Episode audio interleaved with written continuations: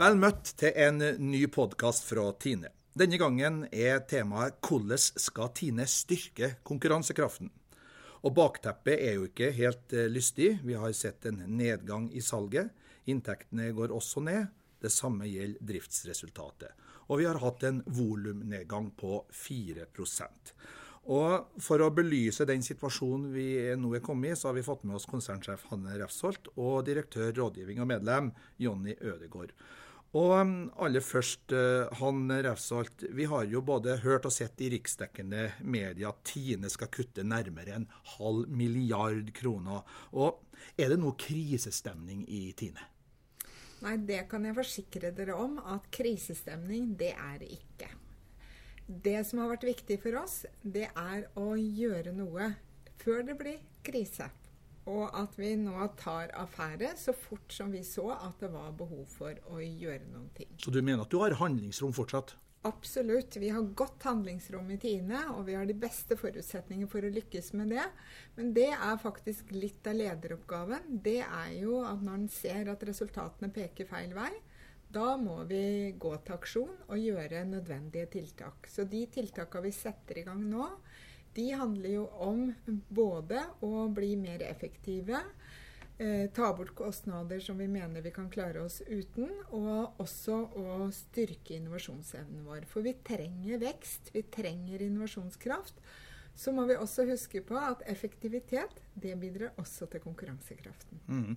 Men hvis vi skal prøve å se litt bak eh, og de bakenforliggende årsaker, så er jo dette med, med sterkere konkurranse en av de faktorene som påvirker oss. Kan du ikke prøve på en enkel måte å forklare hva er det i konkurransebildet som har gjort situasjonen vanskeligere for Tine? Tine har jo hatt konkurranse i kort tid, og konkurransen har kommet veldig gradvis. Det vi har sett det siste året, er at nå begynner den å virkelig øke i intensitet. Og vi har jo dyktige norske konkurrenter, men vi har jo også utenlandske konkurrenter som konkurrerer mot oss i Norge. Det vi har lett for å tenke, er jo de klassiske, veldig sammenlignbare meieriproduktene. Men det som også kommer inn nå, det er substitutter. substitutter, hva betyr det? Substitutter, det betyr eh, at vi får eh, melkeerstatninger som ikke er melk, men som kan være bygd på soy og havre.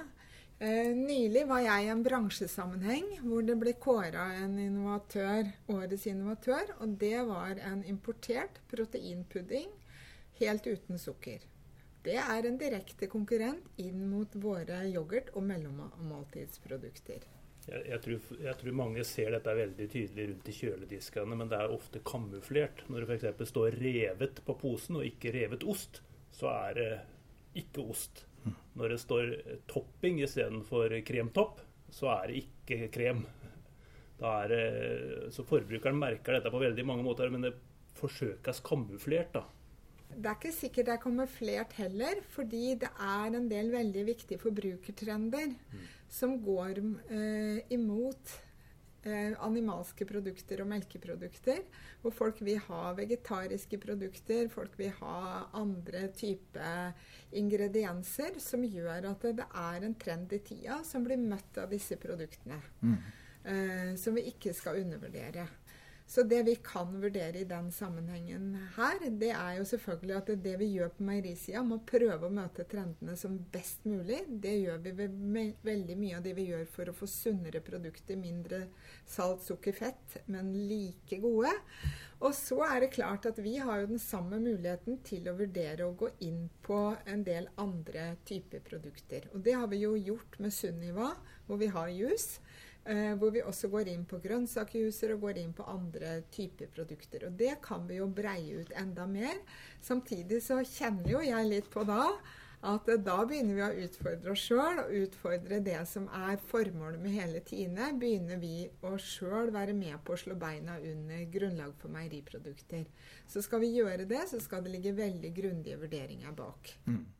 Jonny, hva er etter din mening den største konkurransemessige utfordringen eh, for øyeblikket? Jeg tror det er veldig sammensatt. Eh, jeg tror innovasjonskraften vår er det aller viktigste. Det, det å være raske nok og, uh, til å fange opp disse forbrukertrendene og ha ressurser nok å sette på i, i endringsarbeidet vårt. Uh, der har vi en, en, en, utfordring. Så tror jeg vi, vi, uh, vi har opplagt en utfordring knytta til råvarepris i forhold til, til deler av, av, konkurransen. Vi har en utfordring knytta til at importvernet gradvis eroderes bort. Eh, Sjøl om importvernet er det samme som det har vært en tid tilbake, så er liksom effekten av det dårligere og dårligere. Så det er, det er et bredt bilde som utfordrer oss eh, konkurransemessig. Men det, nå kan vi jo trekke frem at yoghurten f.eks. har jo fått bedre kår i forhold til importen. Hvorfor, hvorfor, ser vi ikke effekten av det? Jo, Vi ser effekten av det. Det er kjempeflott. Vi jobber veldig systematisk både med vår egen innovasjon. Vi har investert stort i våre egne yoghurtprodukter. Gjort uh, veldig mye bra på vår egen satsing. Og vi har, fått, vi har jobba med rammevilkår, sånn at vi har fjerna noe av den, den ekstra steinen vi hadde i sekken, for å si det sånn, med, i form av avgifter på, på norsk yoghurt. Så jeg syns yoghurt er et godt eksempel på et område vi har, har, fått snudd trenden fra en økende import til, en, til, at vi har faktisk en litt fallende import. Og så Hvis jeg skal komplisere det bildet, så er Må ikke komplisere det så mye, da. triste sida av dette er at uh, yoghurtmarkedet i Norge har stoppa opp. Og det er en litt dårlig situasjon at vi har jobba for en politisk endring som vi er fornøyd med. Og så når kundene ser at markedet stopper opp, så er det lett da å si at det stopper opp fordi vi ikke har nok konkurranse. Mm. Så det er nesten ingenting som har bare plusside ved seg dette her. Men jeg tenker at noe av det viktige nå, det er jo å skape en forståelse for at selv om vi må stramme inn livreima på ett sted, så må vi øke på et annet sted. Det ene er å få opp tempo, men vi må også kanskje tilføre mer ressurser sånn at vi virkelig klarer å forløse vekst, samtidig som vi må stramme et annet. Og det er en pedagogisk øvelse eh, i en organisasjon når vi har den utviklinga vi har nå. Ja, og da, da, kommer vi inn på eh, at kostnadsbildet i Tine hadde vært litt for høye kostnader. Er det noe som har pågått over lang tid? og Da kan man også stille oppfølgingsspørsmål med en gang. Hvorfor har man ikke grepet fatt i dette tidligere?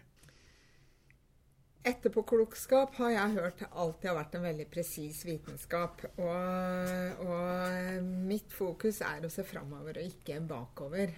Men når det er sagt, så er det helt opplagt at en organisasjon som har begrensa med konkurranse, lett kan legge til seg litt tunge arbeidsprosesser og litt omstendelige prosedyrer som gjør at uh, vi jobber på en litt uh, tung måte.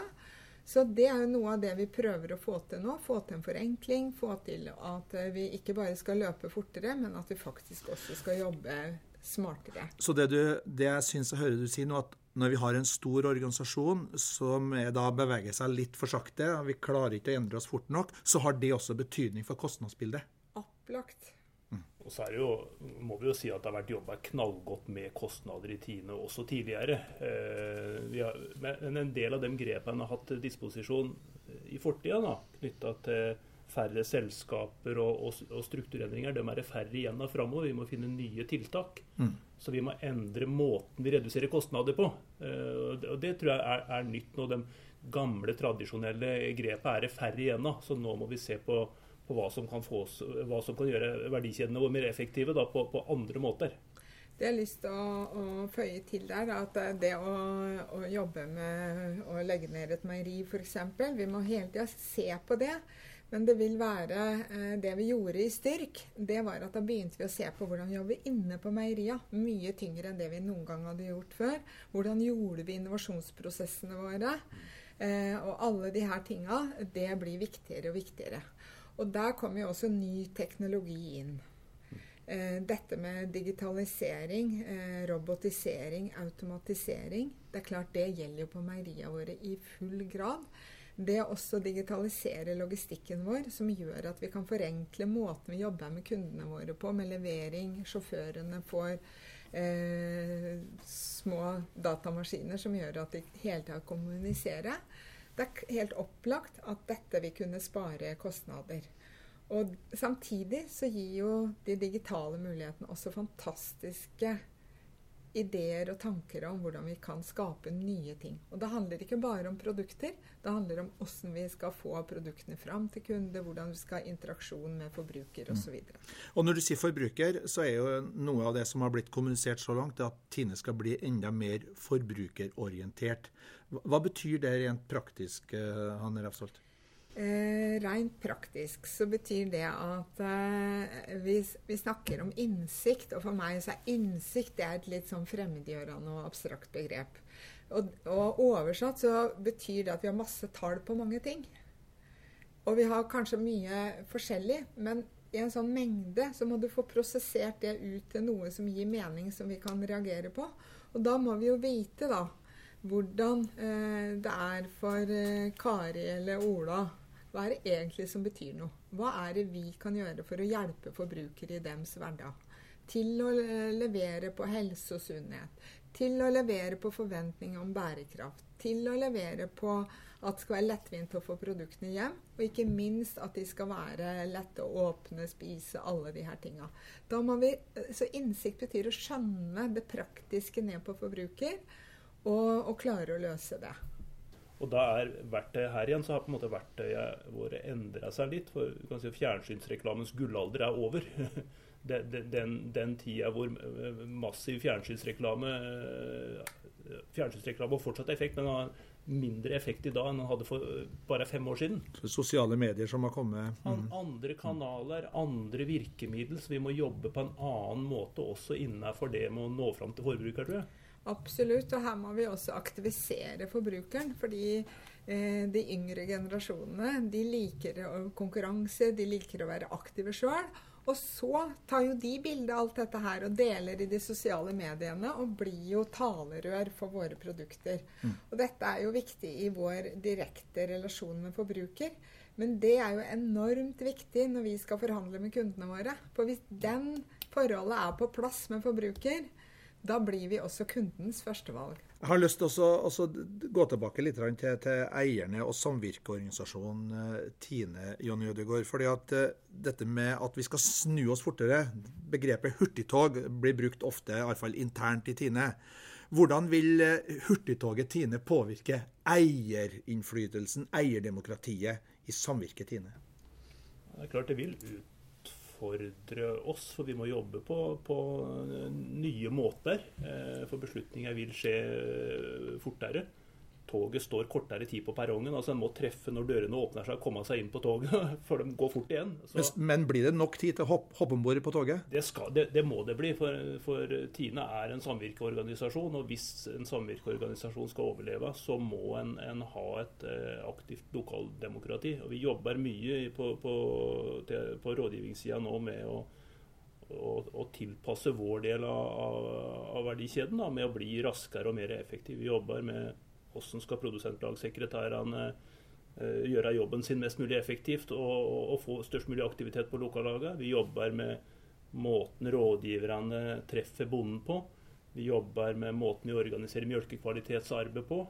Og vi jobber med en del litt sånn forelda rutiner rundt alt fra øremerkebestillinger holdt jeg på å si, som vi bruker vanvittig mye tid på, og, og til større organisasjonsprosesser. da. Mm. Så vi jobber ganske mye. Det kommer til å bli mye endringer også i måten bonden uh, treffer Tine på. Jeg mm. håper at det vil bli en god opplevelse. Jeg håper at de aller fleste vil oppleve et raskere Tine. Et Tine som er, er, er, tettere på og mer opptatt av å drive effektivt. Jeg har lyst til å sammenligne de eierprosessene og eierdemokratiet litt med ansattdemokratiet. Og siden vi holder på med mange endringsprosesser, så er vi ganske mange prosesser med de ansatte. Og jeg fikk høre i går og her forleden at, eh, at eh, ja, det går fort, men det går godt. Og det er egentlig ambisjonen også for alle prosesser vi skal ha med eierne. Det at vi skal oppleve at selv om en prosess går fortere, så kan vi ha god involvering. Og vi kan ha gode, viktige diskusjoner, og vi kan få stor verdi ut av det. Men det jeg tror det krever av oss i administrasjon og av styret, det er at vi må tenke langt nok fram. Så vi kommer i posisjon på riktig tidspunkt til å få drøfta viktige eh, eierspørsmål og få til den involveringa. For kommer vi på hæla, da tror jeg veldig fort en kan oppleve at eh, da blir prosessen eh, dårlig, og så skylder vi kanskje på at den har gått fort, men jeg tror egentlig årsaken er at vi har ikke skjønt tidlig nok hvordan vi skal legge planer for dette. Så langt i denne podkasten har vi snakka om gode del av de tinga som vi skal bli bedre på, men eh, det er jo også en kjensgjerning at det skal, det skal kuttes. Eh, bemanninga skal ned. Og eh, de som hører på her nå lurer på, er det også snakk om at vi skal legge ned flere meieri? Ganske enkelt. I den situasjonen vi er i nå, så må vi kikke på alle muligheter for å effektivisere oss. Og det er jo helt opplagt at når volumet går ned i den størrelsesorden som du har fortalt oss om, så merkes det på bilene våre. Det merkes på produksjon, på måten vi kjører meieriene våre på. Og det gjør jo at hvis vi ikke raskt ser en bedring på dette, så må vi også ettergå meieristrukturen vår. Mm. Det bør ikke bety det kan bety, men det behøver ikke bety nedleggelse av et meieri. Men det kan bety at vi må kutte ut ei produksjonslinje. Det kan være mange typer endringer. Og det er jo aldri en stor følelse å måtte nedbemanne. Og jeg er den første til å beklage at vi må gjøre det i denne situasjonen, men det må vi se på. Og da må vi se på alle steder hvor vi kan klare å jobbe mer effektivt sammen, og kanskje kunne spare et årsverk her og et årsverk der. Du sa jo at det er en pedagogisk utfordring det å, å, forbedre seg samtidig som bemanninga skal ned. Hvordan eh, klarer dere i Tine-ledelsen å balansere akkurat den, den øvelsen? Når vi vet at vi må skjerme noen områder, for, og kanskje til og med øke ressursene på noen områder, og så må vi også ta inn over oss at ny konkurranse, nye utfordringer, gjør at vi må styrke kompetansen. Kanskje med en kompetanse vi ikke er gode nok på i dag. Det betyr at vi noen steder må redusere ressursene enda hardere enn vi hadde tenkt hvis vi gjorde alt som en ostehøvel. Nettopp for å klare å tilføre ny kompetanse og klare å styrke områder som eh, vi mener er helt avgjørende for at vi skal lykkes framover. Ja, så tror jeg det er viktig at vi har med oss eh, Vi vet vi har med oss eh, de ansatte i dette. og Jeg tror, jeg tror også det er viktig at vi har med oss eierne i dette arbeidet. At en da leter etter det positive i dette. her sånn. Altså, dette skal gjøre Tine raskere og sterkere framover. Vi, det, er, det, er, ikke et mål i seg sjøl å endre struktur eller redusere bemanningen. De, de grepene vi tar, gjør vi ut ifra at vi skal styrke selskapet for framtida, sånn at vi kan levere på det som er selskapets hovedmål. Skape størst mulig merverdi av eiernes melkeproduksjon nå og i framtida. Det er det i framtida som, som, som, er sentralt her. sånn. Vi gjør disse grepene for å styrke selskapet framover.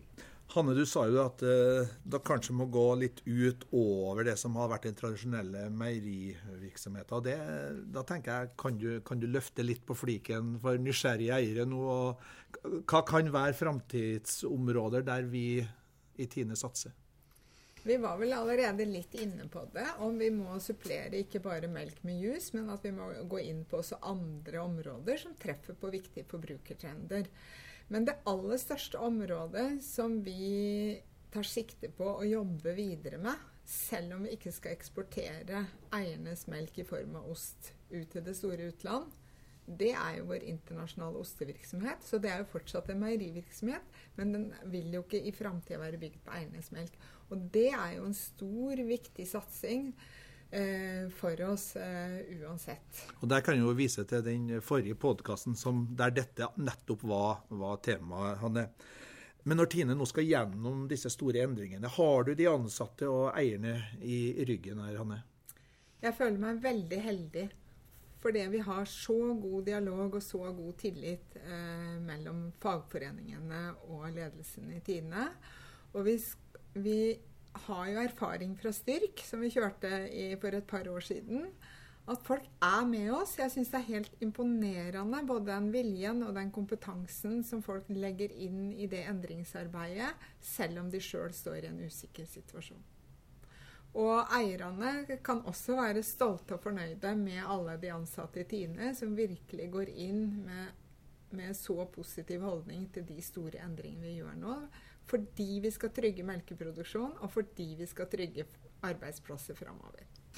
Vi skal begynne å gå inn for landing i denne podkasten. Vi har jo belyst en del tunge eh, spørsmål som Tine står overfor.